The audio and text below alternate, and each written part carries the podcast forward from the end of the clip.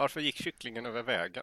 Machiavelli svarar. Vad spelar det för roll? Poängen är att, må att målet att ta sig över vägen rättfärdiga vilket motiv kycklingen än hade. Det är jättedåligt. Vi kan ta det andra. Ja, gör det. Kör ett nytt. En narcissist, en psykopat och en machiavellist går in på en bar. Bartendern säger Välkommen Mr President. Ja, det är, för övrigt kallas Ja, var- de tre för den mörka triaden inom psykologi. Ja, skitsamma. Jaha, oj.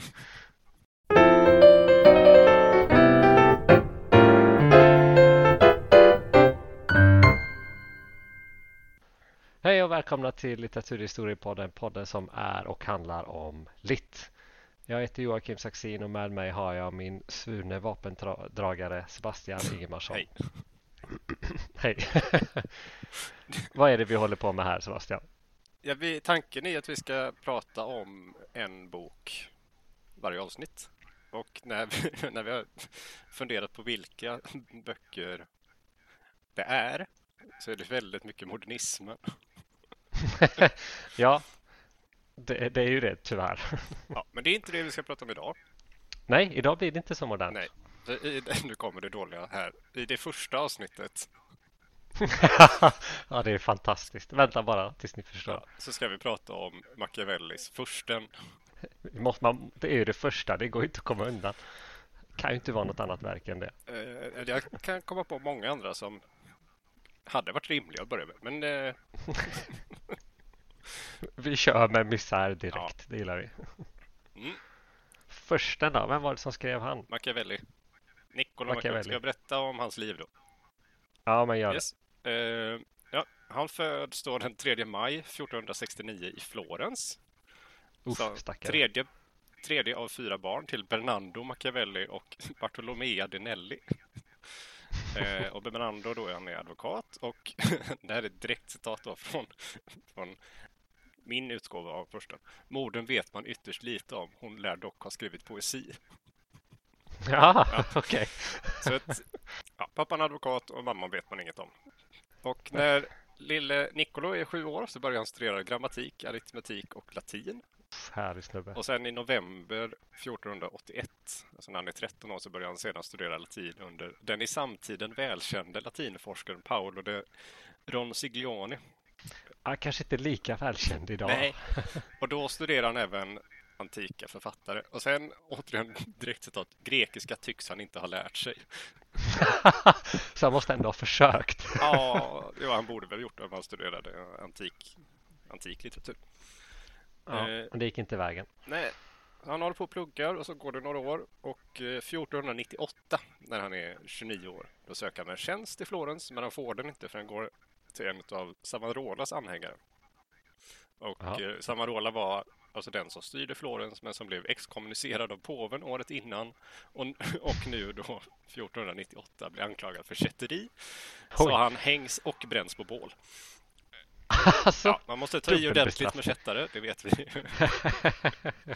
Eh, ja, och då sker det ju en utrensning i Florens administration. Machiavelli söker tjänsten på nytt och han får den. Och han, ja, utnä- ja, men rimligt när motståndet är borta. ja, han utnämns då till chef för Florens andra kansli eh, som har hand om inrikes frågor inbegripet de territorier som Florens kontrollerar samt extraordinära händelser såsom krig. Oj, Han är typ krigsminister. Det här anar jag kommer att komma honom till nytta lite senare. Eh, När jag ska ja. skriva lite saker till ja. Och som chef då för andra kansliet så har han en viktig diplomatroll och han reser en hel del får, får till exempel eh, besöka franska hovet och Venedig för att förhandla och sen också åka till Romagna för att utröna Cesare Borgias avsikter. för 1501 så erövrar Cesare Borgia Romagna. Och samma år då som han besöker Romagna eh, gifter han sig också med Marietta di Luigi Corsini. Eh, Marietta? Ja. Okej. Eh, och de får, eh, ja, inte då, men de får sju barn tillsammans. Oj, jäklar. Så han, han jobbar med det här ganska länge. Att skapa barn, Nej, ja. att, alltså, han är chef för andra kansliet Ja, ja, fram till 1512. Då händer någonting ganska drastiskt, jag. Ja, då återtar familjen Medici makten över Florens och Mac- Machiavelli förlorar sitt jobb och döms till ett års förvisning. Eh, Och sen bara några månader senare, i februari 1513, så arresteras Machiavelli och utsätts för tortyr då han misstänks för att vara delaktig i en sammansvärjning mot familjen Medici. Så att, Där, Ja. aj, aj, aj, där vill man inte vara. nej, han blir torterad. Och Ja. det är ju också då under 1513 som större delen av försten skrivs. När han är i fängelse alltså. Ja. Men även i frihet. Ja. Ja, okej. så det funkar.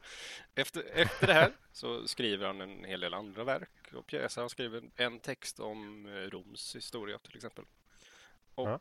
1520 så får han i offentligt uppdrag att skriva Florens historia. Och sen Mm. så fortsätter han då att skriva och återgår också till sin diplomatroll.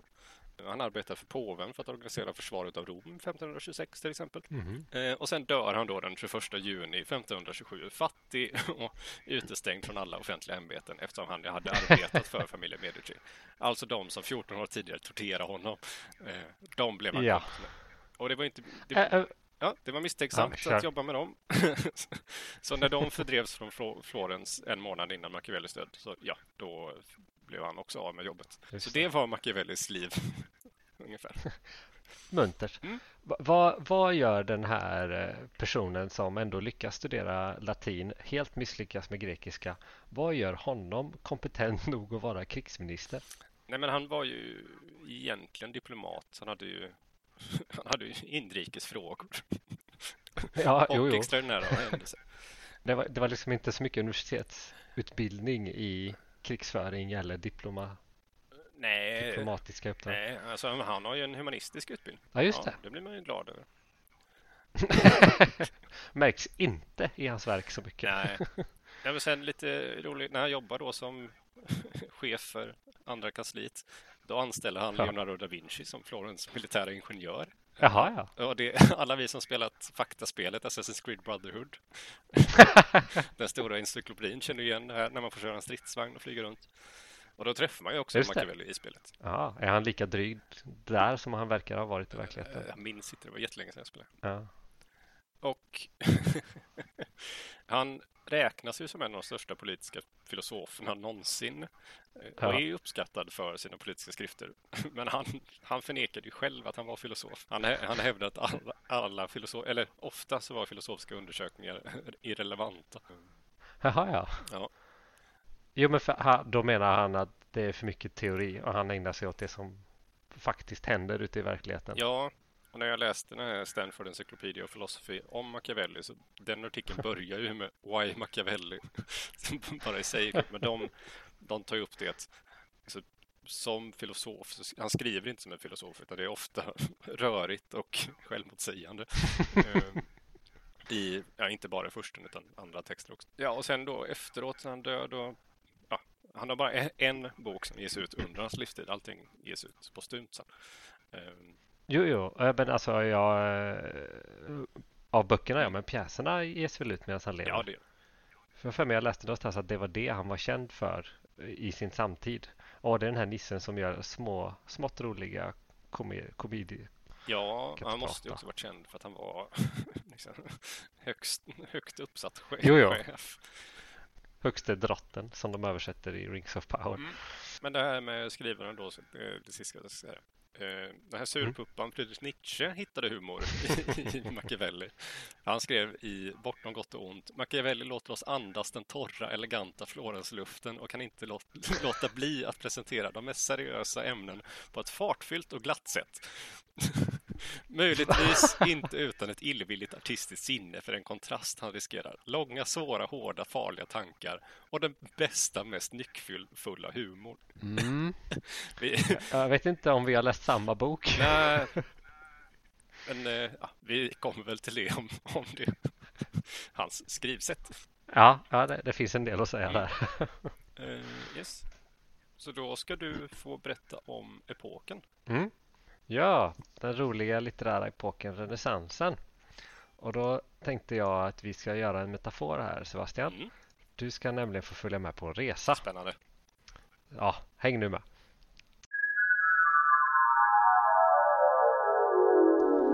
Så, välkommen till renässansen. Året är 1400 till 1600-talet. Du är i Florens. Det luktar olivolja, espresso och italienare.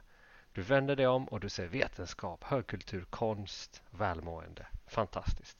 Men Du vänder dig om igen och som vi redan har nämnt så ser du renässansmänniskan Leonardo DiCaprio spatsera omkring och uppfinna krigsutrustning.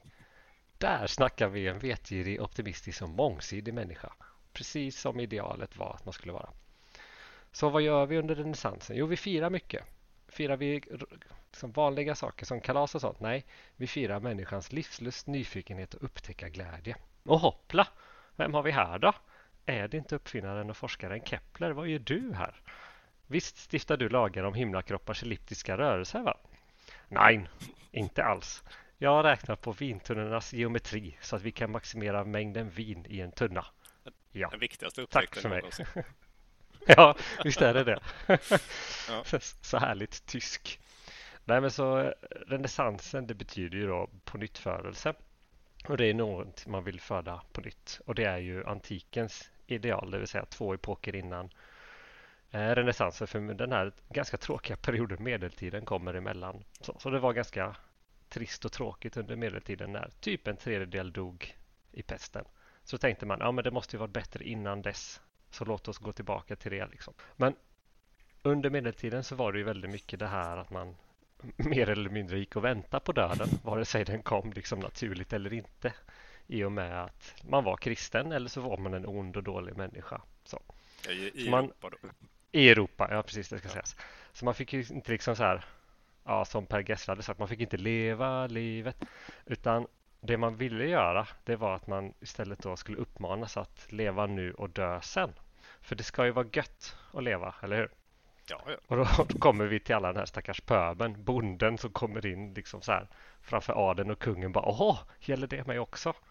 Och adeln bara nej, självklart inte och så halshugger de honom. För det var inte helt jämlikt.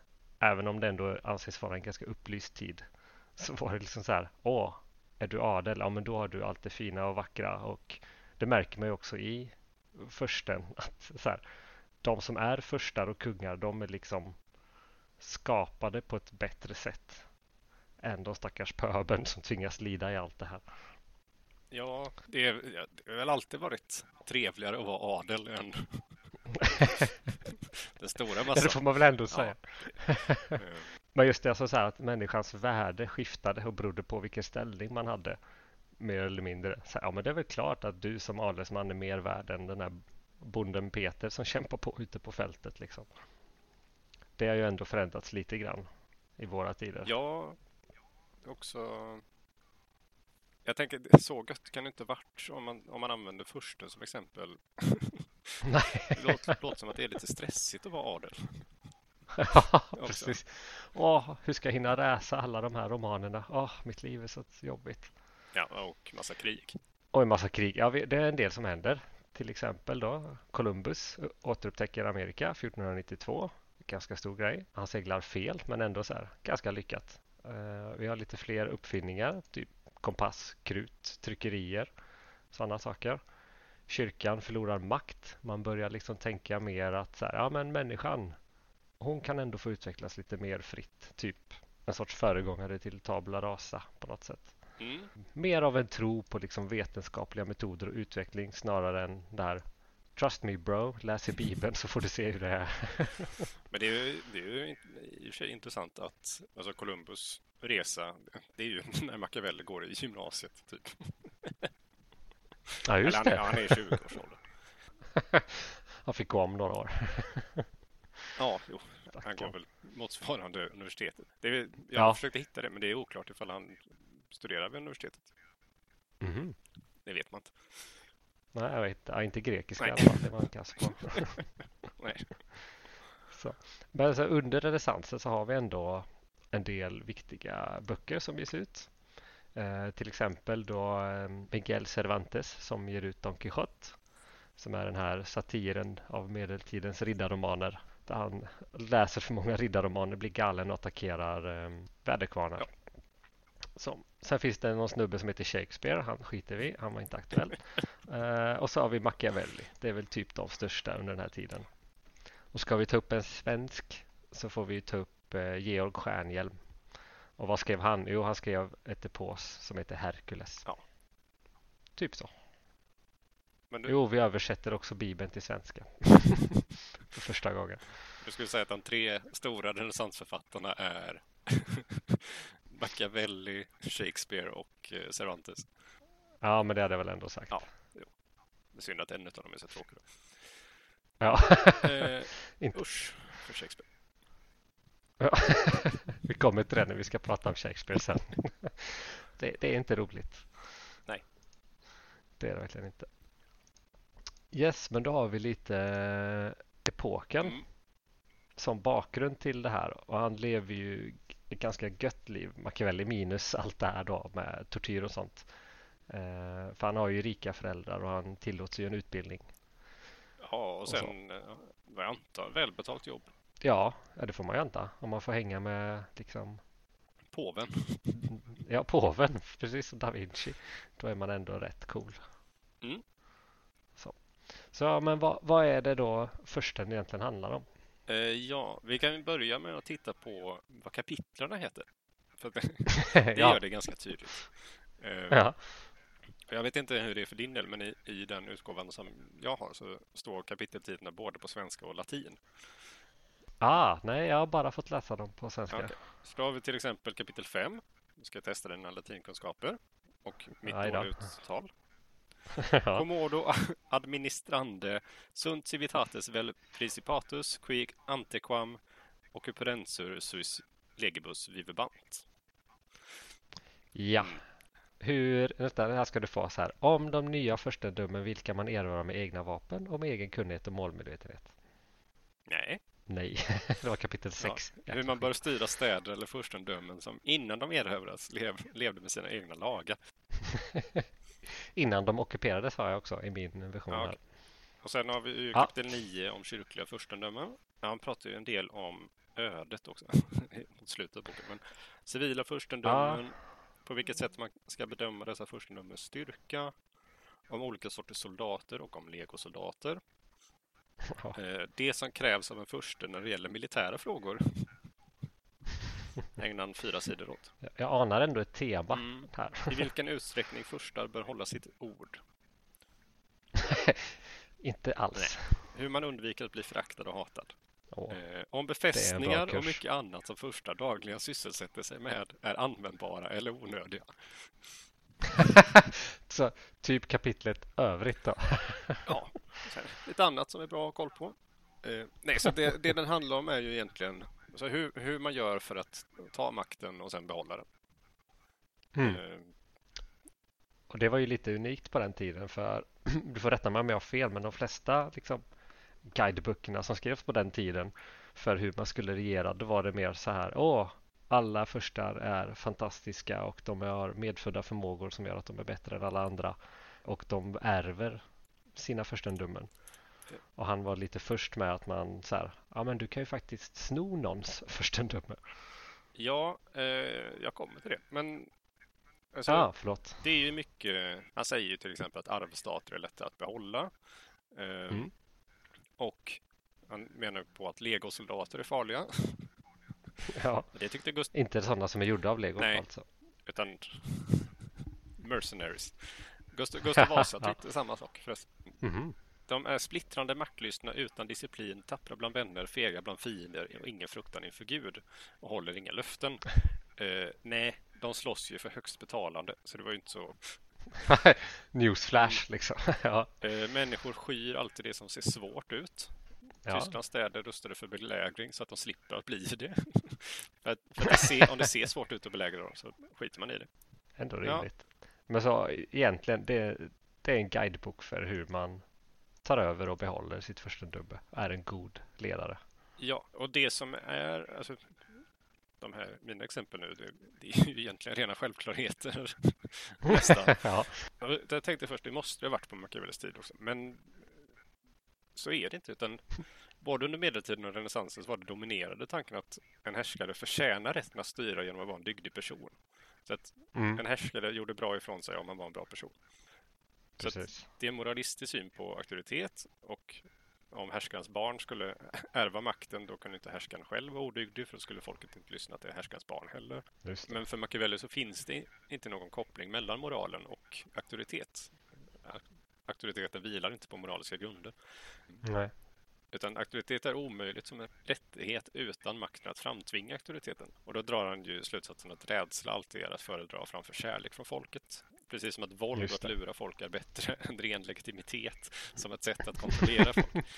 Så att, han var lite dyster i sin människosyn. Alltså. Ja, så det är det som är nytt, att han, eh, att han separerar politiken från moralen. Just det, för så gjorde inte de här andra stora filosofiska tänkarna borta i Aten, om jag har förstått det rätt. Platon och Sokrates och alla dessa. Nej, men det, det var ju för att de var systembyggare eh, och där allting skulle hänga ihop. Så om man, om man hade en politisk fråga så skulle man kunna besvara den med en moralteori också. Eh, Oj, jaha ja. ja. Nej, men så att de, den uppfostran som härskare fick var ju att du ska vara en dygdig person. Eh, sen är det ju svårt att veta vad det betyder för att det finns så många olika tankar om det. Men, så han, han separerar ju det istället, Machiavelli. Mm. Mm. En sak som jag tyckte var intressant, han återkommer ofta till att folket känner varma känslor för, för sin furste. Och när slutade vi älska våra härskare på det här sättet? I och för sig har vi ju britterna då som de älskar, älskar ja, överhögheten fram tills ja, nyss. Nu tror jag inte att de gör det längre. Nu när Nej. Elizabeth har dött. De gillar inte sina politiker, men de gillar de som har ärvt makten. Det, det, är väldigt, ja precis, det är väldigt spännande att se liksom hur mycket de älskar sina monarker. Om man mäter hur många premiärministrar går det på en monark mm. i Storbritannien. Eller hur många premiärministrar det... går det på den katten som bor? ja, precis. Nu är det ju fyra. att de byts ut så snabbt. Ja, det är inte lätt. De, om de bara hade haft ett exemplar av försten, då hade de vetat precis hur de skulle göra. Ja, han säger ju, det här är också en ro, rolig formulering, alla stater som har haft makt har varit republiker eller furstendömen. Ja, just det. Ja, så att alla stater som har haft makt har haft makt. Det har varit diktatur. Okay. Men det, det, är lite av hans grej. Alltså så här, om man ska prata hur, hur han skriver. Ja i, sin bok. Det, det är mycket sådana här självklarheter som han bara slänger ur sig hela tiden. Typ jag har ett citat där, sida 17 kapitel 3.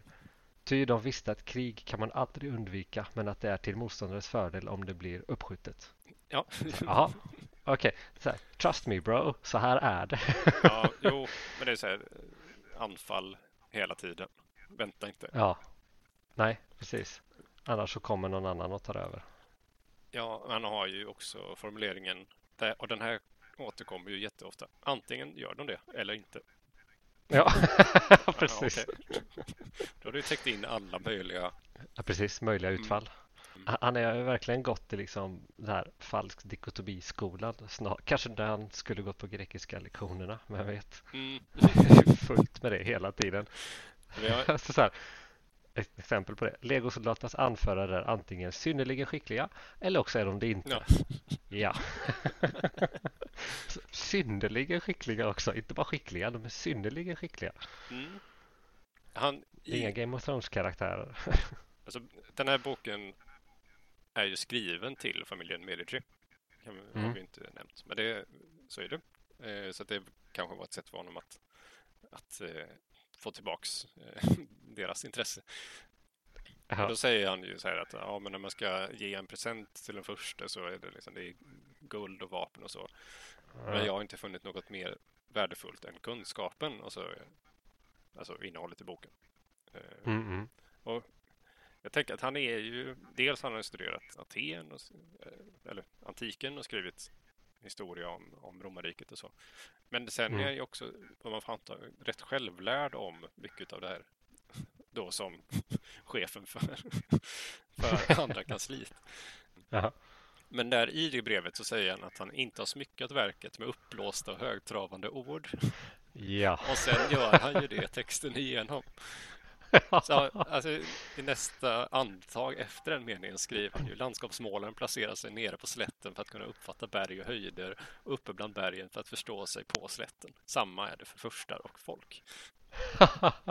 Roligt, för exakt det citatet har jag också ja. skrivit ner. är, jag ska inte göra det här. Och sen, ja, det, han är ju självmotsägande. Ja, för att någonstans i inledningen så säger han också så här, ja men det här är nedskrivet på så enkelt och rakt sätt som möjligt. Jag har inga liksom eh, konstnärliga ambitioner med det här verket. Mm. Det här ska bli liksom ett läroverk. Så det jag har skrivit är så tydligt och lätt som möjligt. Här kommer ett citat. Får se om du håller med om det här. För att öva sina tankar bör en förste läsa historien och studera framstående mäns handlingar, intressera sig för hur de handlat under krig, undersöka orsakerna till deras seger och nederlag för att kunna göra efter det förra och undvika det senare. Och han bör framför allt, framför allt göra som några framstående män fordom gjorde då de försökte efterlikna de män som före dem hade prisats och äras och alltid använde deras uppförande och handlingar som förebilder. Så som det sägs att Alexander den store efterliknade Achilles och Caesar efterliknade Alexander och Scipio och Kyros. Det där är en mening. det, är långt och krångligt. Det ja, som, alltså så här, det som också, sju bisatser ja, på en huvudsats. Ja, det som också gör, gör den svår är att det är ett jävla namedroppande hela tiden. Ja. Om man ska hänga med i den här boken så behöver man kunna rätt mycket om 1400-talets Italien och dess historia. Ja. Man, för det är olika påvar hit och dit och det är olika härskare hit och dit hela tiden. Sen behöver man också ha rätt bra koll på geografin ja. över Italien. I, I min upplaga så finns det faktiskt en karta. Jaha. Men nu måste ja, man sitta och bläddra till den hela tiden. Ja, och sen det. så finns det ju alla fotnoter då som förklarar vem och mm. vem påven var och så. Eh, ja, för det är ju en, förlåt att jag avbryter dig. Det är något tillfälle då han säger något väldigt kryptiskt i stil med att så här, och sen har vi en förste som säger en sak och gör en helt annan och honom kommer jag inte att nämna vid namn. så så här, aha, okej, okay, så det måste varit uppenbart då när han skrev det här på 513 att alla vet vem det här är. Ja. Men inte för oss som lever 500 år senare. Nej. Eh, om, om man inte... Då fick jag ju gå till fotnoterna och då såg jag att ah, okej, okay, det är Spaniens kung Ferdinand den katolske du menar. ja, just Han ja, just det. Och så är, ja, nu nu vet, vet vi ju var de här ställena ligger, men det blir väldigt mycket. Ja, så är vi Ferrara nu och sen helt plötsligt är det Venedig och sen ja. annanstans. Så att han hoppar runt på ett väldigt bökigt sätt också. Ja, ja men precis. Och sen något tillfälle på en bra krigsherre som använde en massa vapen så drar han in Moses i allt det hela. ja, just det. Det, det, det. det, är kanske inte den personen jag framförallt förknippar med liksom våld och vapen. Nej, utan mer långa vandringar va? Ja, men precis. Lite så. Gå vilse ett tag. Ja, precis. ja, nej, som, som du säger, himla massa namedroppande. Mm. Han kanske vill skryta lite. Kolla vad jag har pluggat. Ja, sen, sen våran historiekunskap är ju, det är ju litteraturhistoria vi har lärt oss. Ja. Det är, ja, förutom gymnasiehistorien. Då. Ja, just det. Ja. Så att det, ja, okej. Vi kanske är fel personer. ja, den är inte riktigt ämnad till oss så sett när han skrev den i alla fall. Nej, ja, det är ju fjärde gången jag läser den nu. Ja, din stackare. För att, ja, jag har ju haft den som eh, kurslitteratur i idéhistoria och så. Ja, för det, det slog mig att det glömde jag ju säga i början där att alltså, visst, vi har ju någon sorts koll eftersom vi båda då är ämneslärare på gymnasiet. Mm. Eh, jag i framförallt i svenska och du kanske framförallt i filosofi. Ja, jo. Eh, så det här med litteratur, det har vi ju ändå läst en del av. Ja, ganska mycket. Eh. Men jag, jag, drar mig ändå till skillnad från vår kära kulturminister för att påstå att jag är litteraturvetare. det får avvakta där lite. Är det en skyddad titel? Det har, vi har diskuterat Nej. det här också. Men nu... Ja, kom ingen vart. Nu ska vi se här. Jag, jag har några grejer till på språket. Ja. Men uh, du får köra emellan. Ja, men jag tänkte, för apropå alltså, läsa den här. Alltså, jag satt ju och läste den för några veckor sedan och som vår kollega då utbrast. Poserar du nu? Det där läser man i gymnasiet för att verka smart. Eh, det, det, är ju lite så med innehållet också. Att den är, alltså, om man bara tänker efter så är det ganska uppenbart. Det är lite krångligt beskrivet. Eh, ja. Den hade kunnat vara hälften så lång. Ja, ja, ja, visst. Kom till saken. Dra inte 70 exempel från ett obskyrt krig tio år tidigare. Liksom. Nej. Räcker att du säger vänd kappan efter vinden. Så, klart. Ja, Men ändå, han han är lite lustig måste jag ändå säga, Machiavelli. Jag vet inte om det är meningen att han ska vara lustig. Eh, Men det är vissa saker som ändå framstår som lite lustiga när man läser den. Till exempel här, sida 17 kapitel 3. Här kommer ett citat. Jag kommer att tala om Ludvig den tolfte och inte om Karl den åttonde eftersom Ludvigs herravälde i Italien var långvarigare och vi för den skull bättre kan ta hans handlingssätt i beaktande. Ni kommer att få se att han gjorde allt utom det man bör göra för att bibehålla makten i ett land med ett annat språk och andra lagar. Så väldigt passivt aggressivt. Han gjorde verkligen allt förutom det man ska göra. ja alltså. Det finns ju, nu, nu ska jag vara machiavellisk av mig och be, Ja, begå kör. självmotsägelse. För vissa saker fattar jag inte riktigt hur han tänker heller. Nej, Så att allting är inte så uppenbart. Han säger för att behålla Kartago förstörde romarna staden. ja, Hur tänkte du? Då finns den ju inte mer. nej. Eh, man slapp ju hotet i och för sig, men ändå. Ja, men precis. Jag ska se vad jag hittar. Här, precis. Här kommer ett till citat. Jag kör på citat, jag gillar det. När de stater som har blivit erövrade är vana vid att ha sina egna lagar och att leva i frihet finns det tre olika sätt att kunna behålla dem på. Det första är att förstöra landet i grunden. Ja.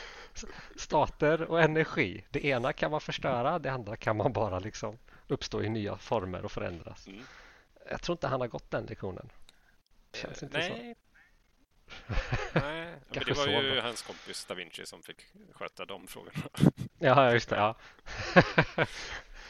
Ja. ja, men det, det, men det är som du säger. Ena biten av boken det är självklarheter. Mm. Antingen är det så här eller så är det det här. Eller så säger han emot sig själv hela tiden. Ja, alltså vissa saker det är ju rimliga. Eh, Att för att behålla makten så ska försten se till att folket är i behov av staten. Ja, jo. Ja, ja, ja visst. Om det är tillåtet att tala väl om det onda. Det är också det är en kul formulering. Fint. Jag reagerar på att han gjorde lite av en eh, Shakespeare och uppfann ord. Åtminstone i min version. Jag vet inte hur det är i din version. Men då använder han ordet ordhållig. Det tycker jag är fint och det betyder precis det du tror att det betyder. Att hålla sitt ord. Ja, alltså. Så inte, hålla sitt inte löfte ljuga. liksom. Nej, precis. Så, så, så som en dålig första är uppenbarligen. Ja, Jag tycker det är fint ändå. Ordhållig ska jag börja använda. Men vi har ju också, där får ju, jag har citatet här men vi kanske är lite trötta på citat. Men, eh, men kör han var ju sista. ändå eh, ett sista. Ja. En språklig förnyare. För att han säger här att en förste bör använda sig av djurets natur och han bör välja räven och lejonet som sina förebilder ty lejonet kan inte försvara sig mot fällor och räven kan inte försvara sig mot vargar. Man är alltså tvungen att vara räv för att se fällorna och lejon för att skrämma vargarna. Mm. Jag tänker att här någonstans har vi ändå fått vårt lilla talesätt modig som ett lejon, listig som en räv. ja, om det inte det varit ett talesätt innan och han bara skrivit om det på ett ändå ganska trevligt sätt. Ja, ja, det är för sig mycket möjligt. Det är också roligt i eh, Assassin's Creed, den stora encyklopedin. Där, där Ja. kallas han ju för eh, räven. Så Ah, när, när man får uppdraget, eller man får ett uppdrag som är så ja men du ska hitta den här eh, typ motståndsrörelsens ledare. Mm. Han kallas för räven. Och sen så springer man genom Florens, hittar honom och så är det Machiavelli. det är ändå väldigt rimligt. Ja, det är en knepig Ah. bok. Vi har, har ju, man kan inte prata om den här utan det här. Nu blir det ett citat till, eller ja, jag parafraserar. Att, Ja. att folk glömmer snabbare faderns mord än förlusten av arvet. Just det. Ja, den är, det är väldigt mörkt sagt. Men han, han måste ju haft en väldigt hemsk människosyn. Att människor är i grunden onda. Tänker jag. Ja, men Eller alltså, för att det är aldrig någonting i stil med att ja, men om vi behandlar folk rättvist så kommer folket kanske vara lite mer nöjda. Det kommer att bli lite härligare att leva.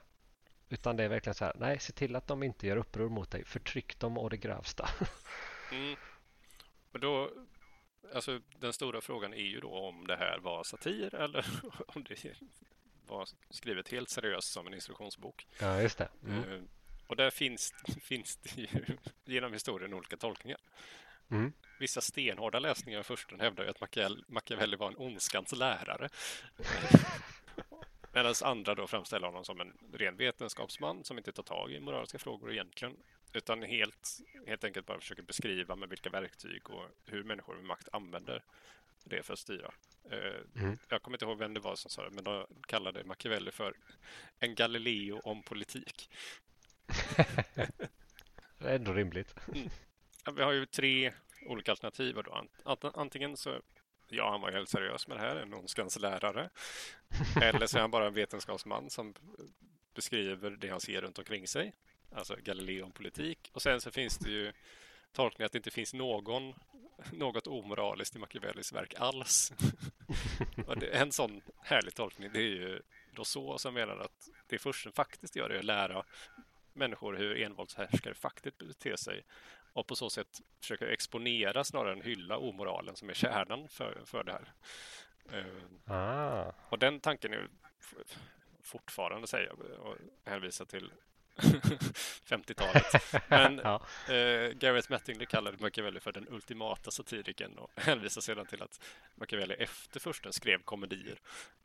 Och de var ju Ja. satiriska till sin natur. Så att, så ja, men han ha- hade ändå det draget att, att vara satirisk av sig. Så att då borde försten också ha varit det. Eh, Just det.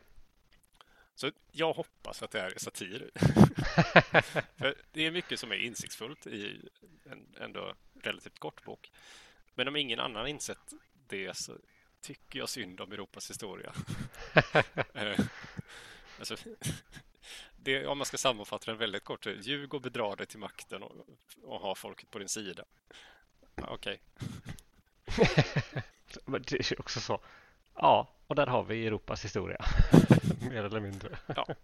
Eh, Så att, eh, jag tycker det finns något rimligt i att se att han, han beskriver det som är runt omkring honom men presenterar Ja. det då som liksom, en, en guide. Eh, Ja, jag, jag är mer inne på att han är en sorts att man ska tolka det som en vetenskaplig liksom, Mm, ansats. Så. Det, det känns, när jag läste den, det var den uppfattningen jag fick att ja, så här kan man göra. Jag säger inte att det är moraliskt rätt, men det här är vad historien har visat oss har fungerat tidigare. jag, jag vill ändå se det som, alltså det- jag håller med dig helt och hållet, men jag vill ändå se det som att det är lite, att han skojar lite också. Ja, Men, men direkt, eller direkt efter, den kom ju ut på eh, 1532 va? ja, Eh, bara 20 25 år senare så förbjuds ju försten av, av påve Paulus den fjärde. Eh, när Ja. första Librorum prohi, Prohibitorum, alltså listan med förbjudna böcker för Rom gavs ut. Eh, med, med hänvisning att den är moraliskt och politiskt korrumperande. Eh, Alltså, det är inte helt fel heller. nej, Men, och här, nu spanar jag fritt, du får rätta mig, jag har säkert helt fel. Men Mm. undrar om det också kan vara då att eh, den hamnar på den här motsvarande New York Times bestsellerlista över förbjudna verk. att det är det som bidrar till att den sen är så pass populär genom historien. det, det tror jag. Det, alltså, det som är förbjudet vill ju folk komma åt. Ja, och jag menar, är det inte så att, kanske inte de flesta, men väldigt många eh, olika härskare i Europa har läst just försten Eh, sen den gavs ut? Jo, det, alltså det, det är ett klassiskt verk och den är inte så lång och inte så jobbig att läsa. Eller den är lite jobbig. Men Ja, äh, med nutida mått mätt så är den kanske inte den roligaste boken jag har läst. nej, Det kan jag inte påstå. jag minns första gången jag läste den tyckte den var väldigt intressant. Nu har jag åldrats och blivit grinigare. Men sen, alltså, han, blir, mig. han blir ju en symbol för ondska sen, Ja. även i samtida, eller mer samtida författare använder honom som en symbol.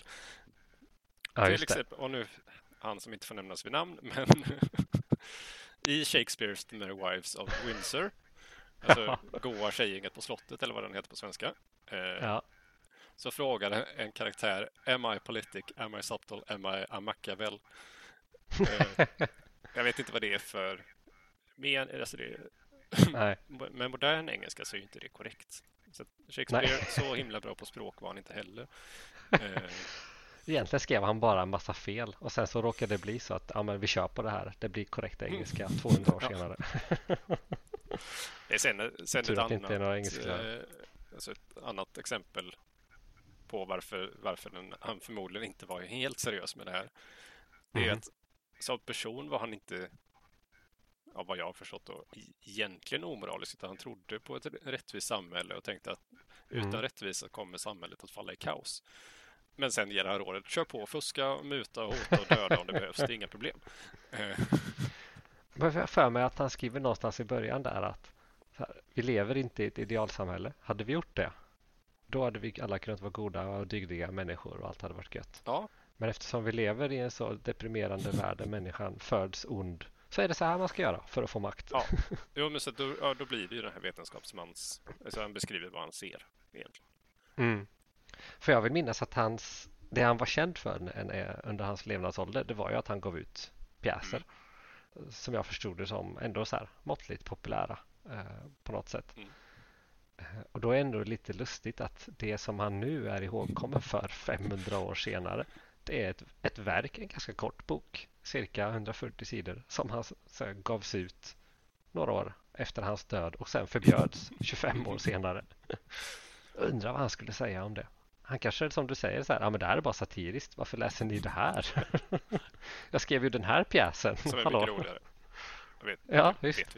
Jag har inte sett någon av hans pjäser. Eh, eh, Nej, jag tänkte i och för sig att han kanske säger något om det i det här Assassin's Creed-spelet. Mm, det minns jag inte. Det var som sagt väldigt länge sedan jag spelade. Och inte den bästa källan. Nej. Menar du att vi ska vara lite källkritiska Ja. alltså? Eh, och det är det som gör första ja. så svår också. Ja, Eftersom man inte, inte vet. precis. Och vi, kom, Nej, för att det andra... vi kommer nog ja, aldrig få veta heller. Om vi inte uppfinner tidsresor Nej. och lär oss italienska och åker och frågar honom. Ja, just det. Ja, det hade inte varit någon mening att lära sig grekiska och kommunicera med honom. Nej, latin. Eller italienska. Ja. ja, det är ändå rimligt. Ska vi, var något jag tänkte på. eh, Mm. ska vi se kör. hur den är aktuell idag då? Ja, man kan lära sig saker av den här. Ja, Eh, vad kan man lära sig? jag vet inte om det här är kul fakta eller ett exempel på eh, någonting fruktansvärt. Det kan vara båda. Men Ja. för typ tio år sedan när jag läste den första gången. Mm. Då var den också standardlitteratur på han, handelsprogrammet för blivande ekonomer och entreprenörer. Ja. Och gavs ut i en upplaga direkt riktad till de här studenterna med typ undertiteln Handbok för dig som utan moral vill suga ut vartenda öre av vanligt folk. Det, det är ju det är som hittat för de handelsstudenterna, tänker jag. Talar direkt in till det som hade varit deras hjärta om de hade Ja, haft något. Den har inte den undertiteln, men den har typ så hand, handbok för dig som vill lyckas eller någonting sånt. Ja, typ så, här är 26 klassiska Mm. tips eller något Mm. sånt där står det på den. Vi kommer att lägga ut den på eh, Litteraturhistoriespoddens Instagram också så får ni själva bedöma. Ja, det är ett litet omslag. Men det är, Ja, det är det. alltså inte bara vi humaniora-nissar som får läsa Machiavelli. Utan Nej. även på, om man ska bli ekonom så får man läsa det. Det, det är också, undrar jag, hur läser man försten på Handels kontra hur läser man försten på liksom, humaniora-linjerna? Är det någon skillnad Jag däremellan? tror det. Men jag funderar också på vad har de för nytta av... För den- har väl typ den, ja, 25 tips. Är det, det är 25 kapitel.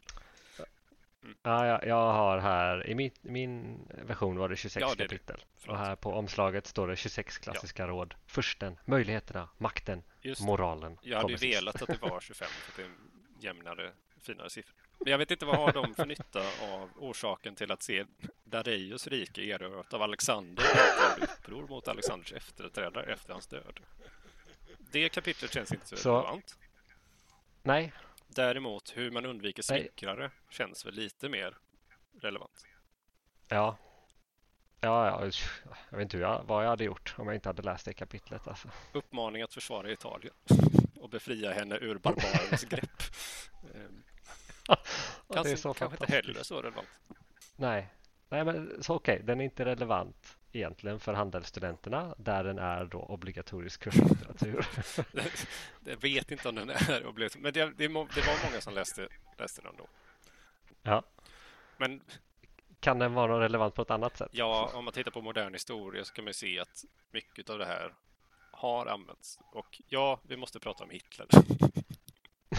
det är oundvikligt. Ja. Eh, och USA. Därför han säger att det är enklast att erövra ett område om området tillhör samma region eftersom befolkningen då talar samma språk och har liknande seder. Eh, mm. Skillnaden efter bytet av ledare blir inte så stor för folket. Och det är ju ett enkelt råd att ge till först i 1500-talets Italien som bara då var stadsstater. Så ser det inte ut längre. Nej. Men vi kan, alltså, om vi tar Hitler då. Hans annektering av Österrike 1938. Det är ju just det. Det är samma område, liknande seder, mm. talar samma språk. Och de sa inte emot utan bara, ja, det här blir nog bra. Mm. Uh, och det är klart att det finns fler anledningar, men det första är ju att de, de talar samma språk och då blir det enkelt. Mm. Sen säger mm. han ju också att försten ska skaffa sig ett par fiender för att sedan besegra dem för att på så sätt öka sin ryktbarhet. eh, och det är ett sätt att visa att man är duglig. Och det sker, mm. sker ju fortfarande. Om vi tar kriget mot terrorismen. Det är ett sånt ja, sätt att makthavarna, alltså USA, tar stöd i händelserna den 11 september, utsåg en organisation som fiende, alltså al-Qaida, och ger militären mm. i uppgift att slå hårt mot fienden genom att döda nyckelpersoner inom organisationen. Och, så kan man komma hem sen och säga oj, kolla vad, vad jag lyckats, ja, kolla vad bra vi är. Nu, nu gick det väl inte så bra för dem ändå, men, Nej. men i början så var ju det liksom ett sätt att ena befolkningen under sig. Och sen har, ja, men... har, vi också, liksom, om vi ska ta ett mindre blodigt exempel, så det här med olika supportklubbar inom idrott där rivaliteten gentemot ett annat lag ökar sammanhållningen inom klubben. Mm. Ja, men alltså på något sätt någorlunda modern psykologi också kring gruppskapande, ett vi och ett dom. Liksom. Mm. Han säger ju mot slutet av boken det här om om man ska tala sanning eller inte. Eh, hans slutsats är, är att den första som framstår som hedervärd och barmhärtig men som egentligen inte är det är den första som kommer att lyckas bäst. Så man ska alltså inte tala sanning, bara få det att verka som att man gör det. Och det är ett mycket mer övergripande råd än de andra råden han ger. Eftersom det handlar om hur man ska vara som person. Ja. Och den kan man tänka att det är lite problem, mer problematiskt att använda idag för, på grund av internet. Alltså, det är lättare att bli upptäckt om man som makthavare bedrar folket för att information mm. sprids snabbare och det, mycket, det, finns en större möjlighet att granska en politiker idag. Verkligen. Och i de länder som tillämpar ett demokratiskt styrelseskick i alla fall så, kan, så är det lite lättare att avsätta den makthavare som missköt sig. Eh, ja.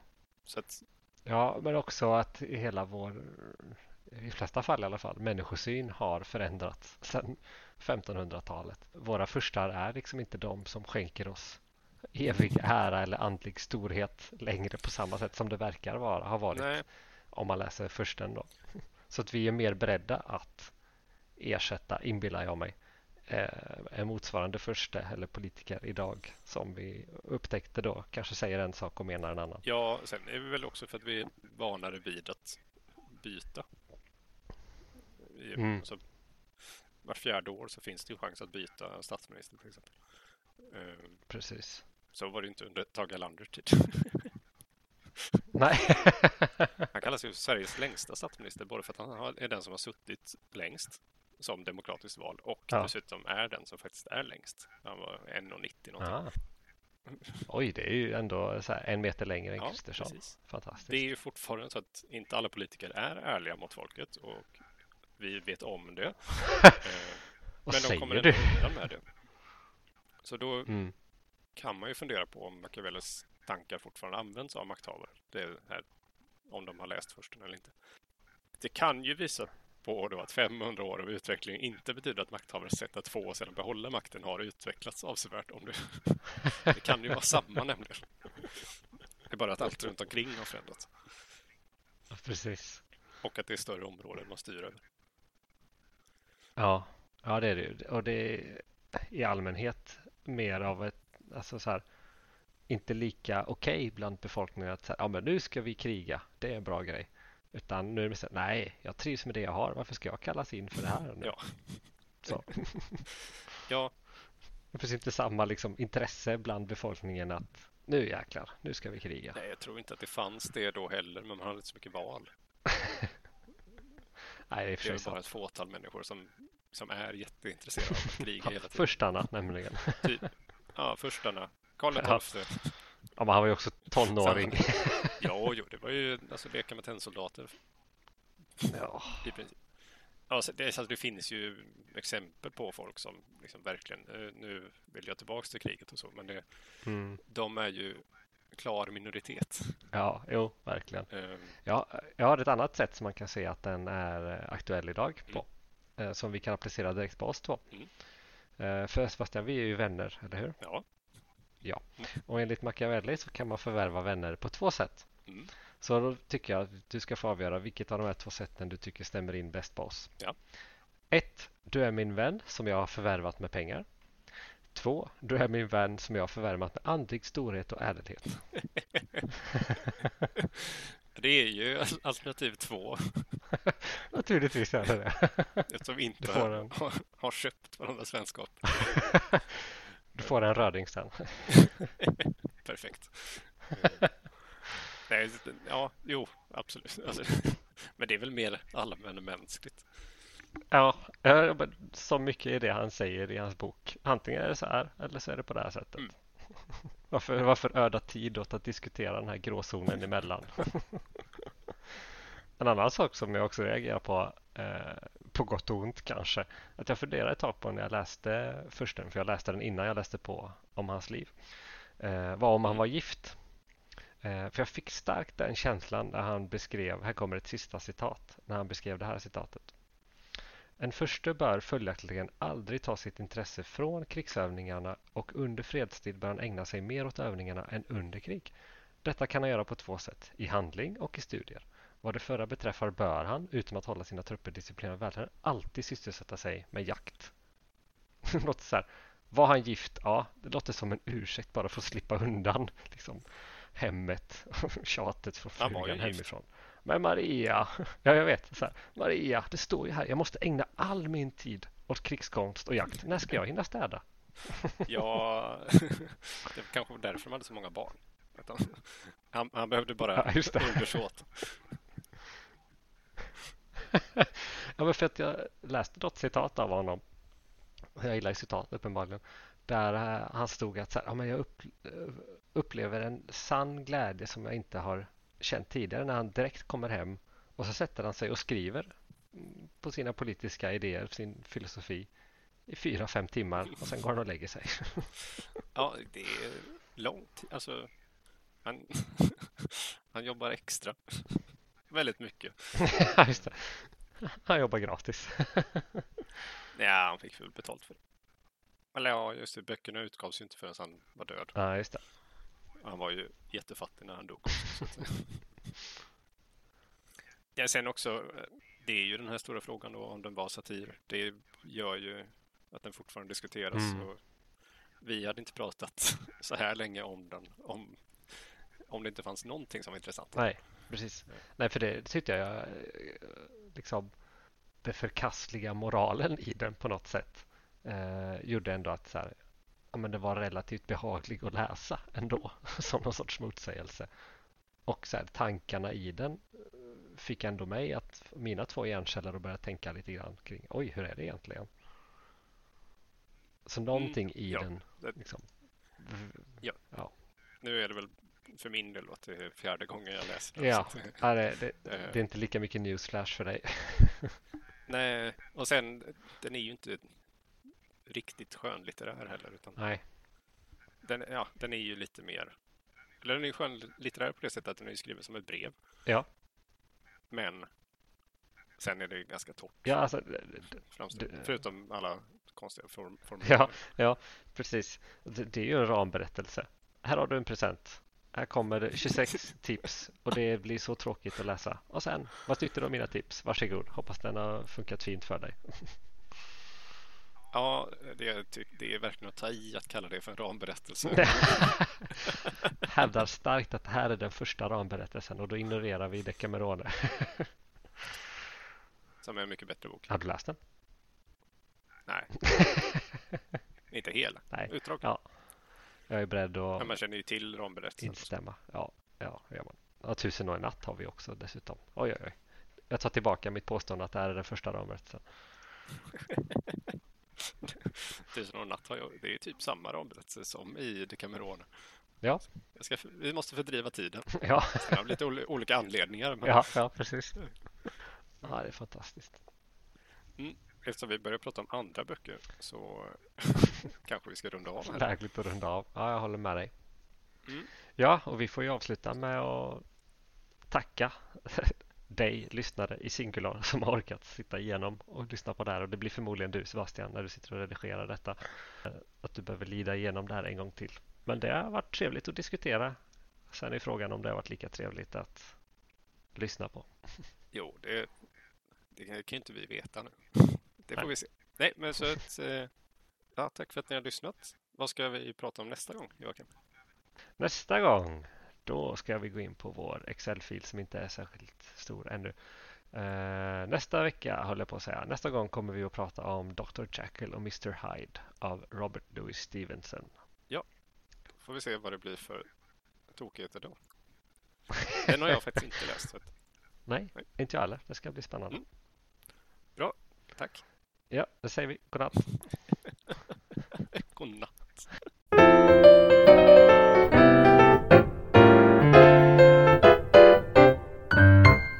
Härjedalen, Vinslöv, Östersund eller bara är allmänt missnöjd med ditt lokala styre? Då har vi på Litteraturhistoriepodden lösningen för dig. Det är nämligen så att vi i samarbete med Robin Machiavelli, Nicola Machiavellis sonson, sonson, sonson, sonson, dotterson, sonson, har möjlighet att erbjuda just dig en kurs som löser alla dina problem. Med 26 enkla steg får du möjligheten, makten och moralen att förändra ditt samhälle. Robin ger dig nämligen verktygen att ta över just din kommun med hjälp av fusk, manipulation, mutor och andra lömskheter.